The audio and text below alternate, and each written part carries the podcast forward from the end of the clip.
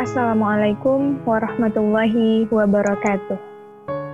Alhamdulillah, alhamdulillahi rabbil alamin. Wassalatu wassalamu ala asrafil anbiya wal mursalin wa ala alihi wa sahbihi ajma'in. Amma ba'du. Alhamdulillah, puji syukur hanyalah milik Allah, Rabb semesta alam yang telah memberikan kita nikmat berupa kesehatan dan waktu luang sehingga kita masih bisa melakukan aktivitas seperti biasa hingga saat ini. Salawat beriring salam semoga selalu tercurah kepada Nabi Muhammad Sallallahu Alaihi Wasallam. Allahumma salli ala Sayyidina Muhammad wa ala ali Sayyidina Muhammad. Semoga salawat selalu tercurah kepada Rasulullah karena berkat dakwah beliau Islam sampai kepada kita saat ini. Alhamdulillah, kali ini saya bisa hadir kembali di ruang dengar kamu di program Teruslah Berharap dalam podcast channel Kulminasi. Pada kesempatan kali ini saya tidak sendiri, ada Kak Raj yang menemani kali ini. Assalamualaikum Kak Raj. Waalaikumsalam warahmatullahi Sehat Kak Raj? Alhamdulillah sehat. Kak Sepi gimana? Alhamdulillah, Masya Allah. Setia juga sehat, Kak. Alhamdulillah. Baik, pada kesempatan kali ini kita mau ngobrol hmm, sesuatu yang indah-indah nih, Kak. Hmm. Uh, misalnya, Sepia bilang sesuatu yang indah biasanya Kak Raj langsung teringat kepada apa? Yang indah ya? Um, iya. Mungkin kalau saya itu teringatnya bunga, sunset, gunung, danau, laut, ya pokoknya yang menyejukkan mata. Masya Allah. Kalau saya biasanya um, ketika saya mendengar kata indah, biasanya itu teringat pantai. Karena di daerah saya itu banyak pantai, jadi kalau ingin menenangkan pikiran sejenak, itu biasanya uh, pergi ke pantai dan tentunya mendengar deburan ombak dan segala macamnya. Masya Allah. Kok kita sama ya? Di sana juga banyak pantai ya, Kak?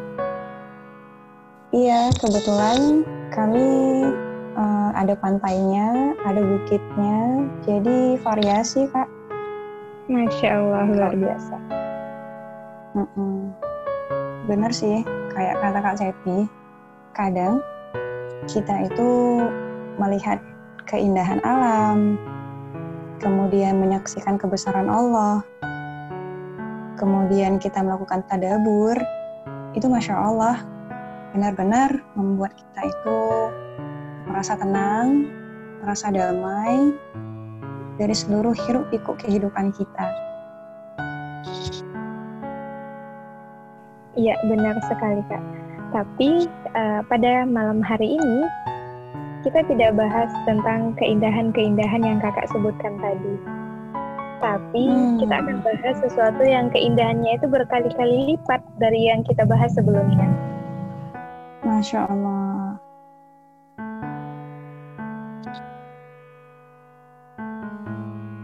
Yaitu kita bahas tentang surga. Masya Kalau misalnya di uh, tengah-tengah kaum muslim, tentunya atau uh, di peradaban manusia, surga itu udah sebuah kata yang gak asing ya kak. Surga, yeah. baik mm -hmm. itu Islam maupun uh, kafir, mereka mengharapkan uh, ke surga. Bisa kita lihat di kalau Sevia lihat itu di dari film-film mereka ya, film-film yang notabene bukan orang muslim yang membuatnya, mereka juga menganggap bahwa mereka ketika meninggal dunia, mereka itu emang uh, pergi ke surga gitu, kembalinya ke surga. Tapi tentunya surga mereka dengan surga yang kita maksud itu beda ya kak? Iya, bener banget. Jadi memang semua ya kak ya, pasti baik dia muslim maupun non muslim itu berharap ya ketika kita sudah meninggal nanti, nah itu tempat kembalinya itu surga. Dan saya rasa semua orang merindukan hal yang sama. Iya bener banget. Hmm, kalau di kaum muslim sendiri memahami surga adalah tempat kembali yang terbaik ya kak. Mungkin itu Iya. sudah Mm-mm. eh, sudah jelas sumbernya. Eh, kita sumber hukum ada di dalam Al-Quran, Sunnah, ijma sahabat dan kias. Begitu kan kak Raj? Iya, benar sekali. Jadi, hmm, benar ya, seperti kata Kak Sepia, kita itu sebagai seorang muslim yang memang punya rujukan, punya referensi, bahkan referensi terkait gambaran surga, nah itu Masya Allah, sudah banyak sekali gitu ya, gambaran-gambaran surga yang Allah bocorkan kepada kita di dalam Al-Quran. Nah, tapi Kak, ternyata itu hanya baru eh, bocorannya dan itu baru sedikit gitu. Itu baru sedikit sekali gambaran-gambaran surga yang eh, Allah bocorin di dalam Al-Quran. Tapi meskipun baru sedikit bocorannya, Masya Allah, benar-benar buat kita takjub Kak. Benar-benar buat kita itu speechless karena kenikmatan surga itu yang hanya sedikit saja digambarkan dalam Al-Quran itu luar biasa. Benar-benar membuat kita yang membacanya merindukan kenikmatan itu. Ya, membuat kita yang membacanya itu benar-benar menginginkan kenikmatan yang digambarkan di dalam Al-Quran. Nah, salah satunya itu bahwa surga itu adalah tempat yang di sana kenikmatannya itu 100%. Mm-mm.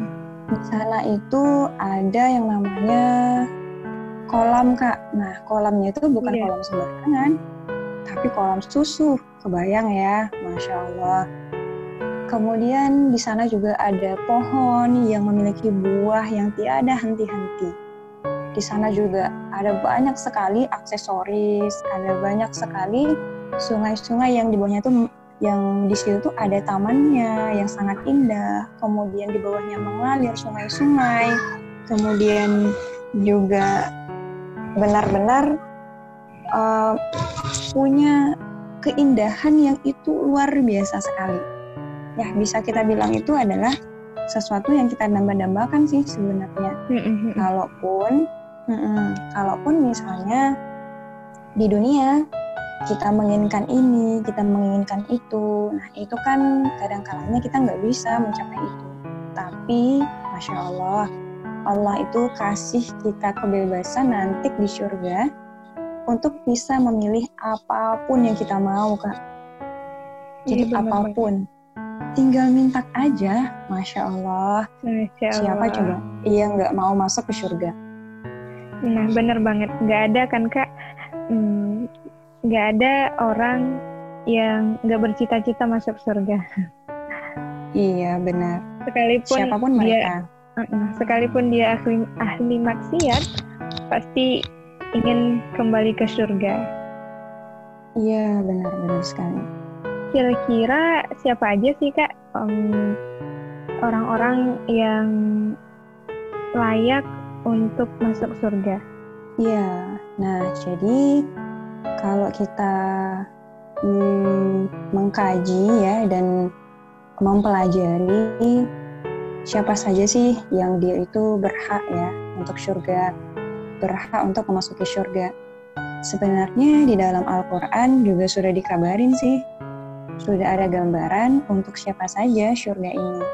Nah, mungkin saya akan mengambil dan mengutip beberapa ayat yang di situ memang Allah gambarkan dan Allah uh, peruntukkan bahwa surga ini adalah untuk mereka-mereka yang tadi. Nah, yang pertama itu Kak, mungkin saya akan mengutip ya dari surah An-Nas ayat 69. Nah, di sana itu Allah bilang, dan barang siapa yang mentaati Allah dan Rasulnya, mereka itu akan bersama-sama dengan orang-orang yang dianugerahi nikmat oleh Allah, yaitu nabi-nabi, para siddiqin, orang-orang yang mati syahid, dan orang-orang soleh. Dan mereka itulah teman yang sebaik-baiknya. Nah, Masya Allah Kak, ternyata para nabi, orang-orang yang siddiqin ya, orang-orang yang jujur, kemudian para syuhada, dan orang-orang yang solih. Nah, mereka itu adalah orang-orang yang Allah sediakan surga untuk mereka. Ya, Masya ya, Allah. Allah sediakan kenikmatan terbesar itu tadi, Kak. Mm -mm. Ya, mungkin uh, kita kalau misalnya nabi, ya pasti kita bukan nabi. Artinya, iya, Mm-mm. Kita nggak bisa masuk surga karena status kita nabi, karena kita manusia biasa. Tapi selanjutnya nih kak, kan ada para siddiqin nih. Ada orang-orang yang jujur, orang-orang yang senantiasa benar lisannya. Nah, itu tuh punya peluang bagi kita-kita yang menjadi hamba ya, itu punya peluang banget. Punya peluang untuk bisa menjadi orang yang memang Allah berikan surga kepadanya gitu. Iya. Nah selanjutnya itu orang-orang mati syahid. Nah itu juga kita berpeluang besar nggak? Kita berpeluang besar ya untuk juga bisa mati syahid. Pun kalau seandainya kita nggak bisa mati syahid, maka ada peluang seterus selanjutnya. Apa itu? Yaitu orang-orang yang soleh. Ya, orang-orang yang dia itu mengerjakan segala bentuk ketaatan dan meninggalkan segala bentuk larangan. Jadi sebenarnya itu tadi kak, orang-orang yang memang Allah peruntukkan surga kepadanya, yaitu orang-orang yang jujur, orang-orang yang mati syahid, dan orang-orang yang soleh. Di mana Allah tegaskan nih kak di surah tadi. Dan mereka itulah teman yang sebaik-baiknya. Masya Allah kak. Jadi Masya ternyata Allah orang-orang yang soleh, kemudian orang-orang yang berkata jujur, orang-orang yang mati syahid, kemudian juga itu bersanding dan berteman ya dengan para nabi. Jadi bisa kebayang ya kak, masya Allah kita itu tetanggaan sama para nabi luar, luar biasa. biasa. Nah jadi nih ada lagi nih kak, karena banyak ya ciri-ciri atau orang-orang yang memang Allah peruntukkan surga untuknya. Tadi udah ada para nabi, kemudian orang-orang yang jujur, para syuhada, dan orang-orang yang solid. Nah, selanjutnya itu ada juga nih kak di dalam uh, surah Al-Mutaffifin ayat ke-22. Nah, ternyata Allah bilang orang-orang yang berbuat baik ya itu adalah orang-orang yang memang Allah anugerahkan kenikmatan yang sangat besar yaitu berupa surganya. Nah, ternyata orang-orang yang berbuat baik ya, orang-orang yang melakukan bakti, uh, melakukan kebaikan, ternyata mereka juga Allah karuniakan balasan yang sebaik-baik balasan yang berupa surga. Nah, ternyata ini juga bisa kan menjadi peluang kita sebagai uh, hamba ya sebagai orang biasa. Nah, kita nih punya sebenarnya peluang itu tadi. Nah, kemudian banyak juga Kak di surah-surah yang lain ya, di ayat-ayat yang lain uh, yang mana memang Allah gambarkan siapa saja yang kemudian berhak untuk menerima surganya Allah. Nah, siapa lagi nih? Mungkin ya ini ya, saya juga akan mengutip dari beberapa ayat dan surah yang lain. Seperti surah Al-Waqi'ah ayat 10 uh, sampai dengan 11. Ya, di situ tuh tercantum ya bahwa uh, dan orang-orang yang paling dahulu beriman mereka lah yang paling dulu masuk surga. Mereka itulah ya mereka itulah orang-orang yang didekatkan kepada Allah berada di dalam surga kenikmatan. Nah masya Allah nih kak. Luar biasa. Berarti as-sabiqunal awalun kan orang-orang yang memang uh, terdahulu masuk Islam. Jadi masya Allah. Dan ini uh, diperuntukkan kepada mereka yang memang ketika Islam itu diturunkan ke kepada uh, masyarakat Mekah ya pada saat itu.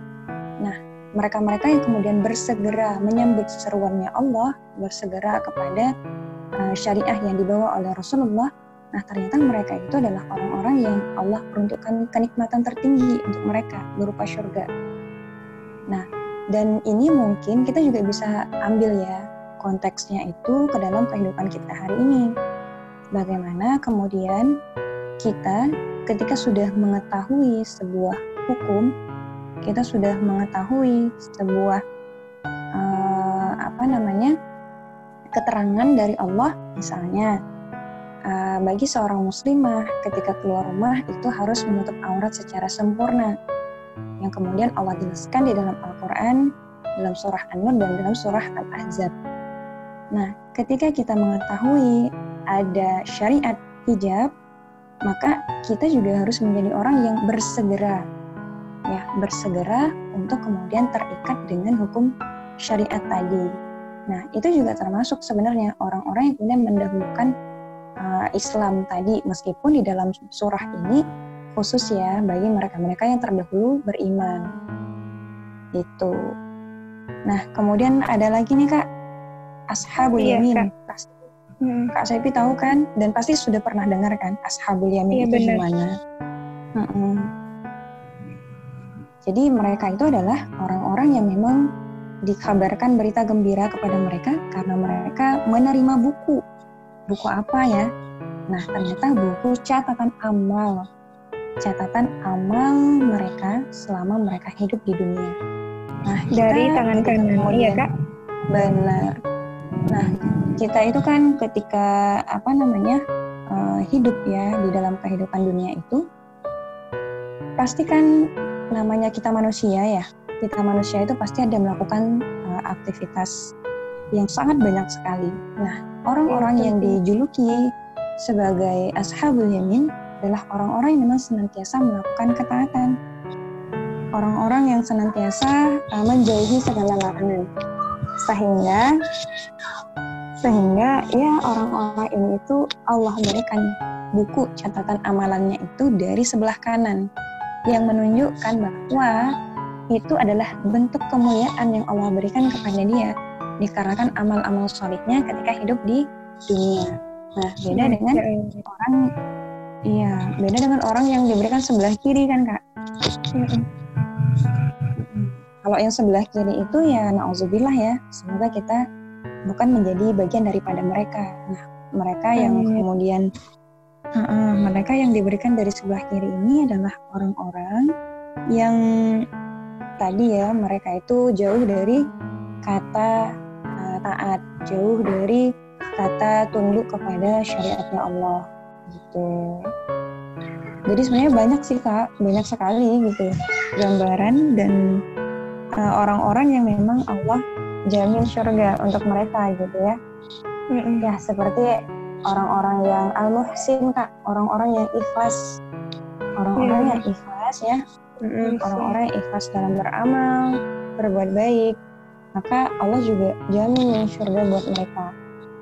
Kemudian ada juga orang-orang yang as-sabirun ya, orang-orang yang sabar. Jadi mereka adalah orang-orang yang sabar terhadap seluruh ujian, yang sabar terhadap seluruh uh, tantangan-tantangan kehidupan gitu ya. Dan mereka juga orang-orang yang sabar terhadap ketaatan. Nah, ini nih yang jarang banget kita pahami, Kak seakan-akan sabar itu hanya ketika ada ujian. Padahal sabar dalam hal ketaatan itu juga sangat penting ya. Karena kesabaranlah yang kemudian membuat kita itu akan menjadi orang yang senantiasa bersikokoh gitu ya. Atau bisa kita bilang orang-orang yang sikoh dalam melakukan ketaatan. Bahasa lainnya itu adalah sabar dan ikhlas ini memang dia tersemat kepada yang namanya istiqomah. Ya, tersemat kepada yang namanya istiqomah di dalam ketaatan tadi. Artinya dia berusaha tetap dalam koridor ketaatan itu, tidak keluar sama sekali dari koridor itu sendiri gitu. Nah kalau saya pribadi nih Kak Sepia, saya sering uh, menggambarkan, mm -mm, saya sering menggambarkan apa itu istiqomah. Uh, saya sering menganalogikan itu seperti uh, lampu merah. Ya di mana lampu merah itu kan menunjukkan bahwa itu adalah tanda untuk berhenti. Ya, itu adalah tanda untuk berhenti sejenak gitu. Dan lampu hijau itu adalah sinyal untuk kemudian kita melanjutkan lagi perjalanan kita yang tadi awalnya terhenti. Nah, istiqomah dalam ketaatan berikut ikhlas dan sabar dalam ketaatan itu ya seperti lampu merah itu. Karena ketika lampu merah pasti kan kita harus berhenti dan kita harus rela menunggu harus sabar ya, harus sabar menunggu dan harus ikhlas menunggunya. Gitu. Meskipun mungkin lampu merahnya itu ya dihiasi dengan teriknya matahari. Mm-mm. Nah, tapi kalau mm-mm, kalau seandainya kita tidak sabar, Kak, coba apa yang terjadi? Pasti kan kita langsung uh, main iya, main nerobos aja gitu kan ya. Nah, tapi ketika kita menerobos itu, maka sebenarnya ya kita sudah menjadi loser. Jadi bukan winner. Ya. Hmm, saya sering kalah ya kak? Iya benar. Kita tuh akan jadi kalah atau bisa dibilang pecundang gitu loh. Karena hmm, saya pribadi ya itu selalu mengingatkan mereminder diri saya sendiri untuk senantiasa menjadi orang yang sabar dan ikhlas dalam masa uh, melakukan ketaatan karena kecerobohan kita atau ketergesa-gesaan kita itulah yang sebenarnya membinasakan kita. Coba ya, kita tuh udah capek nunggu lampu merah. Pas di detik-detik terakhir, karena kita udah bener-bener nggak sabar, udah bener-bener eh, nggak uh, kuat ya uh, menunggu. Nah pada akhirnya karena tadi ya kita gegabah, ya udah deh saya langsung nerobos aja. Nah ketika kita nerobos, eh ternyata lampu hijaunya itu hidup. Nah, coba gimana coba penantian kita selama ini, perjuangan kita selama ini, kesabaran kita selama ini yang sudah uh, kita berusaha tetap bertahan di sana, pada akhirnya ternodai karena ketergesa-gesaan kita. Semuanya hilang gitu loh kak. Semuanya hilang gara-gara ketergesaan kita. Dan pada akhirnya kita tidak akan pernah dianggap sebagai winner. Kita nggak akan pernah dianggap sebagai seorang pemenang, tapi ya kita akan dicatat sebagai orang yang melanggar, orang yang loser tadi, yang kalah ya, dikarenakan gegabah tadi. Nah makanya sabar itu kak menjadi salah satu indikasi orang-orang yang kemudian berhak untuk menerima surga, karena kan kita tahu ya, gak mudah sih untuk sabar, tapi tidak mudah itu bukan berarti tidak bisa mm bener gitu. banget. Mm-mm. Nah, uh, jadi banyak banget kak. Ada orang yang sabar ya, ada orang yang kemudian takut saat menghadap Tuhannya. Jadi ternyata ciri-ciri atau orang-orang yang kemudian Allah berikan surga kepada dia juga termasuk orang yang dia punya rasa takut ya. Punya rasa takut saat menghadap Tuhannya. Dia takut ketika Allah mintai pertanggungjawaban gitu. Karena dia takut ya nanti ketika berhadap uh, apa namanya uh, untuk uh, tadi ya maka pada akhirnya ketakutan dia itu membuat dia tidak melakukan kemaksiatan gitu. Tidak membuat dia uh, melakukan sebuah kesalahan. Nah, berikut juga dengan orang uh, yang bertakwa. Nah orang yang bertakwa itu adalah orang yang juga termasuk salah satu uh, yang kemudian Allah jamin uh, surga ya, kepada um, dia gitu. Jadi uh, demikian ya. Uh, apa namanya? Orang-orang yang kemudian um, Allah anugerahkan surga ya uh, untuk mereka gitu. Dan banyak lagi sih kak, banyak lagi orang-orang yang memang uh, dimasukkan sebagai golongan orang-orang yang berhak menerima uh, surga atau orang-orang yang berhak memasuki uh, surga. Nah, salah satunya dan bukan salah satu ya, tapi banyaknya gitu ya. Uh, seperti ada orang-orang yang beriman dan beramal soleh, kemudian orang-orang yang at-taibun ya at-taibun itu adalah mereka-mereka orang-orang yang bertaubat kepada Allah. Nah, ternyata Kak, orang-orang yang bertaubat kepada Allah juga termasuk nih orang-orang yang memang menjadi salah satu penghuni surga. Masya Allah. Masya Allah. Iya, luar biasa kan Kak? Luar biasa banget. Semoga Allah senantiasakan kita sebagai orang-orang yang selalu bertaubat setiap harinya. Amin. Allahumma amin.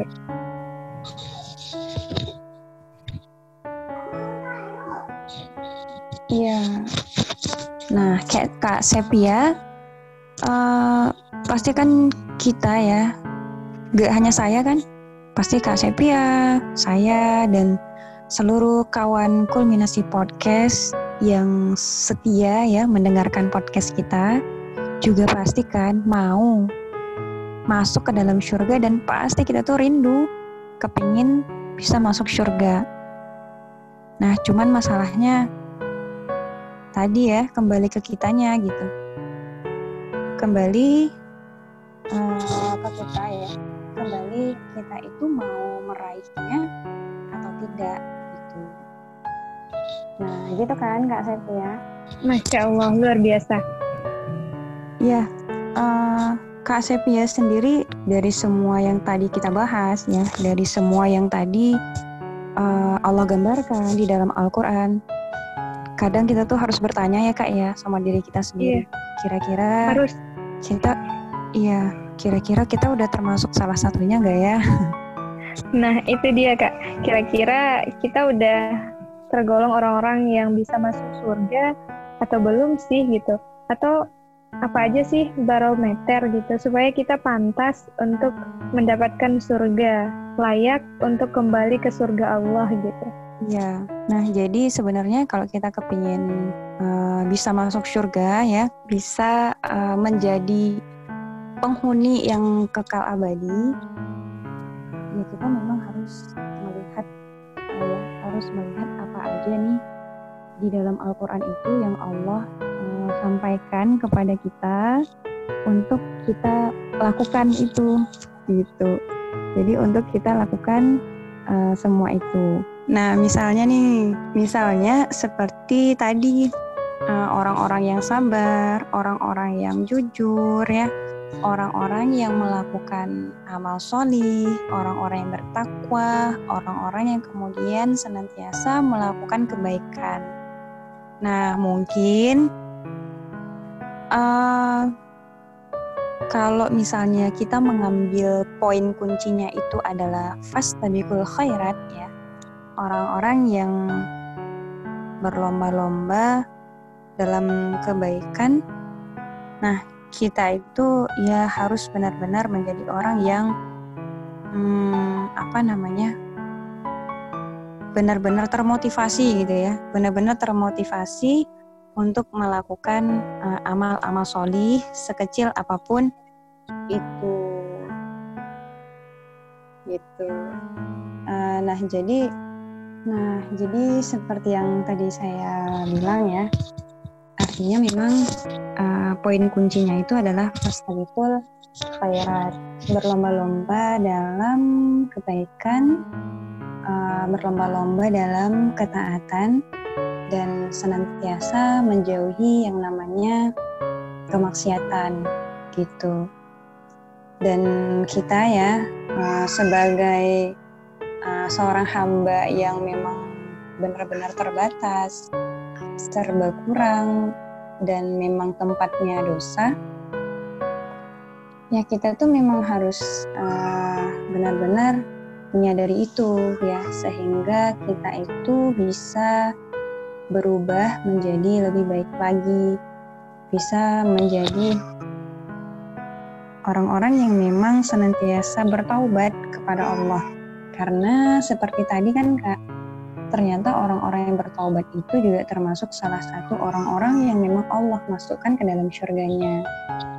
Ya, seperti yang kemudian Allah sampaikan di dalam surah uh, Ali Imran ya, ayat 133.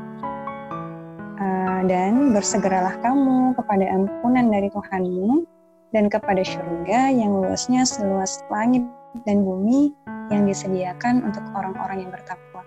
Nah, Masya Allah. Allah itu bilang, bersegeralah kamu kepada ampunan dari Tuhanmu. Artinya, pintu taubat itu terbuka sangat lebar gitu. Pintu taubat itu benar-benar terbuka ya dengan seluas-luasnya dan Allah itu adalah Tuhan yang maha menerima taubat. Tinggal kita aja nih sebagai seorang hamba mau mengambil kesempatan untuk bertaubat ini atau menyia-nyiakannya. Ya, saya rasa pasti ya kita semua dan kamu, kawan komunisi podcast yang sedang mendengarkan ini, juga pasti gak akan mau menyia-nyiakan kesempatan taubat tadi yang sudah Allah berikan kepada kita, yang sudah Allah anugerahkan kepada kita. Tinggal kitanya nih mau ambil atau tidak gitu. Nah, kita kan para pendosa ya, Kak Sepia ya. Uh, artinya kita menyadari sih banyak sekali dosa, banyak sekali kemaksiatan, banyak sekali kekeliruan, kealpaan ya. ya. Mm -mm yang kita lakukan sehingga kadangkala nih kak kadangkala uh, kita tuh merasa aduh aku tuh nggak pantas sama surganya Allah. Aku kan ahli maksiat. Nah hingga pada akhirnya kita menjadi orang-orang yang berputus asa dari rahmat Allah.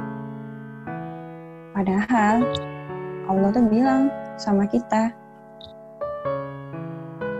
Mungkin saya yakin ya, ayat ini itu sudah sering sekali kita dengarkan.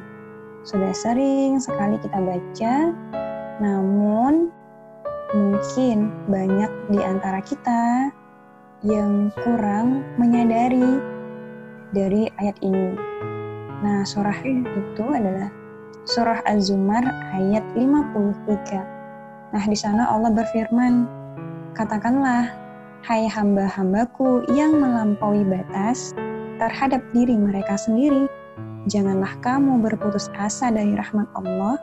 Sesungguhnya, dialah yang maha pengampun lagi maha penyayang. Masya Allah.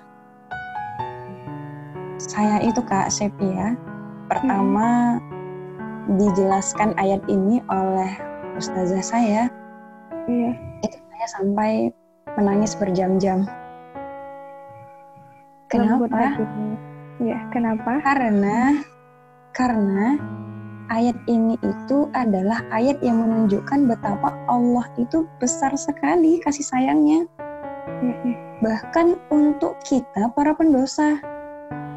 Bahkan untuk kita ahli maksiat. Yang tadi Allah bilang kan, hamba-hambaku yang melampaui batas terhadap diri mereka sendiri. Nah, kita yang suka maksiat itu kan orang yang melampaui batas terhadap diri kita sendiri. Apa kata Allah? Janganlah kamu berputus asa dari rahmat Allah. Masya Allah, ayat ini benar-benar menjadi penguat bagi saya pribadi untuk senantiasa bersyukur ya kepada Allah yeah. untuk senantiasa berusaha berubah menjadi lebih baik lagi setiap harinya. Karena ternyata rahmat Allah itu sangat luas. Rahmat Allah itu sangat banyak. Bahkan Allah masih kasih kita kesempatan. Meskipun ya kemaksiatan yang kita lakukan itu tidak terhitung jumlahnya. Tapi Allah bilang kamu tuh jangan berputus asa dari rahmat Allah. Dan Allah lanjutin nih kak, sesungguhnya hmm. dialah yang maha pengampun lagi maha penyayang. Jadi Allah jamin Allah itu akan ampuni kita. Allah itu juga akan sayangi kita. dan Allah tidak akan meninggalkan kita. Asalkan apa? Asalkan kita tidak berputus asa dari rahmat Allah. Asalkan kita, uh, asalkan kita tidak menganggap aku tuh hina, jadi aku nggak pantas untuk surga. Aku pantasnya itu untuk neraka dan pada akhirnya kita nggak mau beramal solih. Nah itu tuh orang yang melampaui batas. Tapi kalau seandainya kita itu menyadari kita punya banyak maksiat, kita punya banyak dosa, sehingga dengan itu membuat kita sadar bahwa ternyata selama ini saya sudah salah jalan dan pada akhirnya kita berusaha untuk bangkit, berusaha untuk kembali ke jalan Allah yang lurus, maka insya Allah Allah pasti akan menerima taubat kita sebanyak dan sebesar apa pun itu. Ya, Masya kecuali Allah. memang Iya, kecuali memang dosa menyekutukan Allah ya. Yeah. Karena kalau dosa menyekutukan Allah dan dia belum bertobat, maka memang ini adalah dosa yang besar. Gitu. Nah, jadi banyak nih kak, kita misalnya ya dalam kehidupan kita, kemudian uh, apa namanya aktivitas kita, interaksi kita, dan seterusnya. Atau mungkin ada nih dari kawan-kawan semuanya yang pernah berkecimpung dengan kemaksiatan ya seperti sering melakukan ikhtilat, campur baur laki-laki dan perempuan yang memang tidak diizinkan oleh syariat karena tidak punya kepentingan dan keperluan. Kemudian mungkin berkholwat ya. Kemudian mungkin pacaran atau ya, mungkin iya melakukan hal-hal yang lain tapi ternyata Allah juga masih berikan kita kesempatan, Kak Buktinya tadi kan Allah bilang janganlah kamu berputus asa dari rahmat Allah. Nah, jadi kita jangan merasa hina gitu ya. Bukan ya, jangan merasa benar. hina sih. Tapi kita itu gimana merasa caranya? Iya, jangan merasa nggak pantas. Karena seenggak nggak pantasnya kita, insya Allah Allah tetap akan mau menerima taubat kita.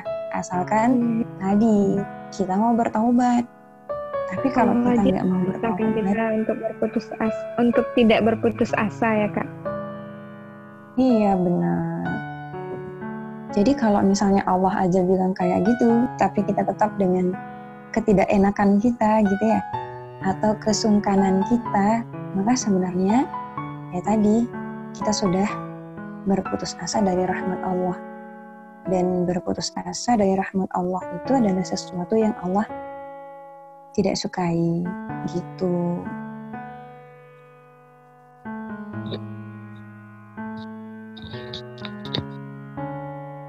Hmm, ya jadi uh, kita tadi ya uh, harus benar-benar tidak boleh berputus asa dari rahmat Allah dan kita itu memang harus segera uh, meraih ampunan Allah yang tadi kita bahas di awal ya bersegeralah kamu kepada ampunan dari Tuhanmu dan kepada surga yang luasnya seluas langit dan bumi yang disediakan untuk orang-orang yang bertakwa. Nah, jadi apa aja nih kiat-kiatnya gitu ya? Apa aja kiat-kiat yang harus kita lakukan? Ternyata Kak, tadi ya seperti yang saya bilang, kiat yang pertama itu adalah satu, kita harus sering-sering ya muhasabah diri yeah. supaya nanti uh, ketahuan nih kita salahnya di mana, kita mm-hmm. kelirunya di mana gitu. Nah, setelah kita sudah menyadari itu, maka bertaubatlah ya, maka bertaubatlah dan taubatan nasuha, taubat yang sebenar-benarnya taubat, taubat mm-hmm. yang memang kita berjanji tidak akan mengulanginya lagi.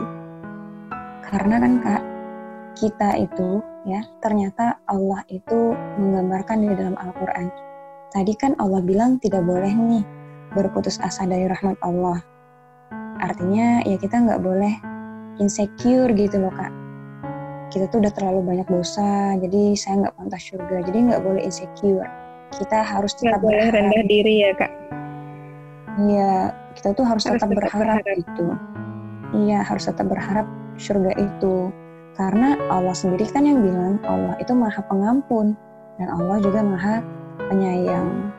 Dan ternyata Masya Allah ya, di ayat yang lain ya, di surah Al-Baqarah ayat 222, Allah juga bilang nih Kak, sesungguhnya Allah mencintai orang-orang yang bertaubat dan menyukai orang-orang yang mensucikan diri. Masya Allah.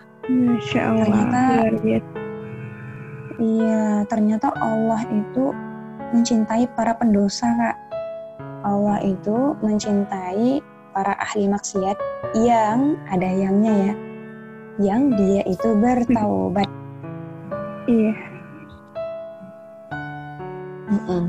Jadi uh, ternyata ahli maksiat itu yang dia mau bertaubat dan berubah menjadi lebih baik lagi, maka sungguh Allah menyukai orang-orang tersebut.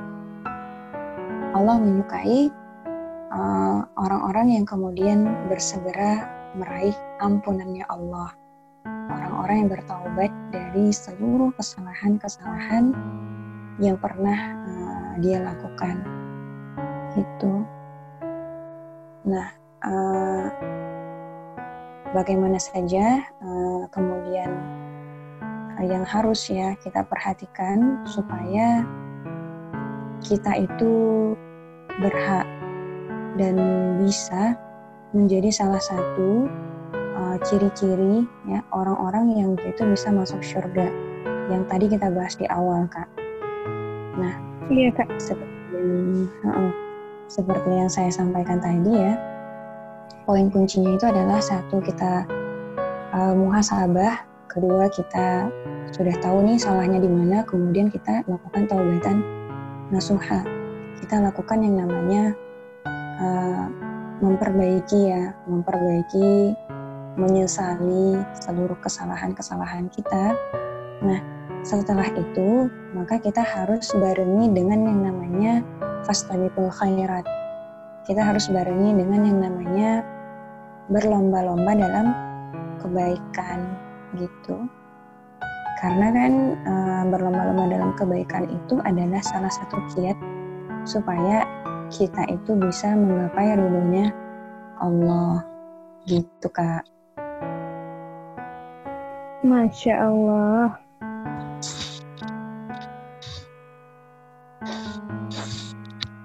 Uh, dan ini ya, saya teringat dengan satu surah di dalam Al-Quran.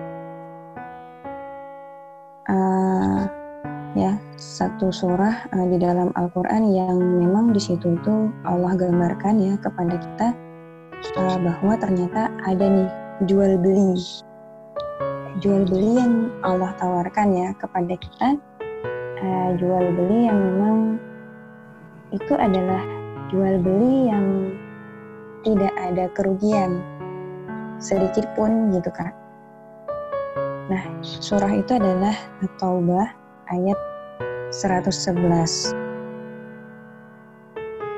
Di situ Allah gambarkan uh, bahwa sesungguhnya ya Allah telah membeli dari orang-orang mukmin diri dan harta mereka dengan memberikan surga untuk mereka dan mereka berperang di jalan Allah lalu mereka membunuh atau terbunuh itu telah menjadi janji yang benar dari Allah di dalam Taurat, Injil, dan Al-Quran.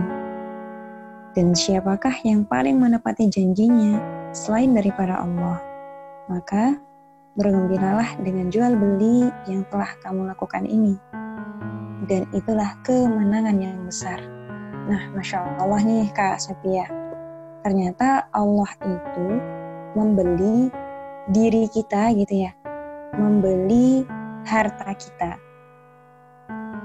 Ya, membeli harta kita dan kemudian Allah bayar tunai dengan surga. Allah bayar tunai dengan surga yang surga itu adalah tempat kembali yang sebaik-baiknya tempat kembali gitu. Masya Allah. Makanya iya, makanya kita tuh Kak Sepi ya harus tadi ya pas tadi khairat rela mengorbankan diri kita nih untuk melakukan kebaikan-kebaikan dan rela juga nih harus mengorbankan harta kita untuk melalui dan menjalani jalan-jalan ketaatan gitu meskipun ya ada konsekuensi ya kita tuh harus berlelah-lelah kadang kita juga harus mengurangi waktu istirahat kita yang nantinya akan kita gunakan untuk fastabiqul khairat. Menambah amalan-amalan solih kita ya. Menambah uh, apa namanya bacaan Al-Quran kita. Kemudian menghiasi juga kehidupan kita itu dengan amal-amal sunnah dengan uh, ketaatan-ketaatan yang lain memperbanyak puasa gitu ya bahkan kita juga senantiasa melakukan aktivitas amar ma'ruf nahi mungkar gitu kak. Melakukan aktivitas uh, dakwah bahasa kerennya gitu. Mm karena nggak mungkin kan kak Sepia kan? Kita tuh bisa hidup tenang kita tuh bisa hidup aman-aman saja dan merasa nyaman dengan ketaatan kita itu sedangkan orang lain masih dalam kemaksiatan pasti kan kita gerah dengan itu Iya, bahkan jadi pertanyaan ya kak, ketika kita melihat kemaksiatan, tapi kita merasa tenang-tenang saja. Iya, benar. Jadi pertanyaan besar memang ya, karena sebagai seorang mukmin, dia itu pasti nggak akan pernah ngebiarin ya saudara-saudaranya di luar sana itu terjerumus ke dalam lembah kemaksiatan.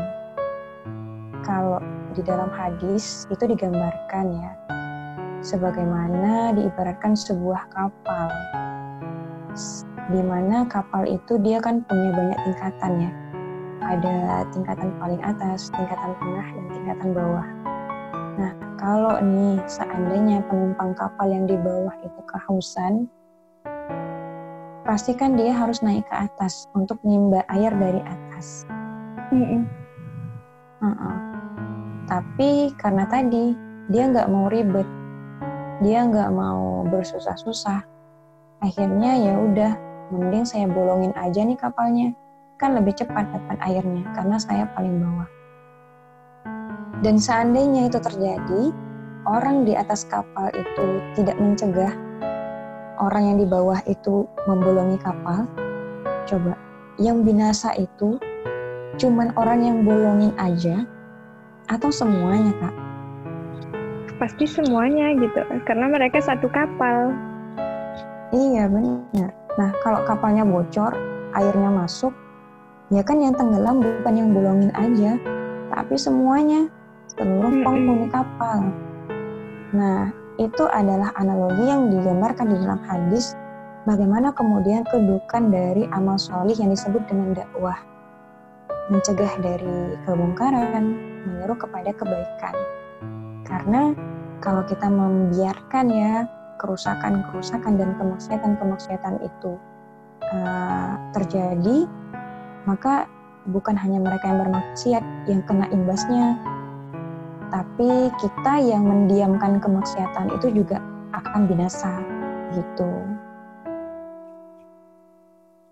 Nah, sehingga kan jika demikian, bagaimana mungkin kita itu bisa meraih surga kalau sama apa namanya orang-orang di sekitar kita saja itu kita tidak peduli Padahal orang-orang yang melakukan aktivitas dakwah, orang-orang yang melakukan amal ma'ruf nahi munkar itu banyak banget keutamaan dan kemuliaan mereka, Kak.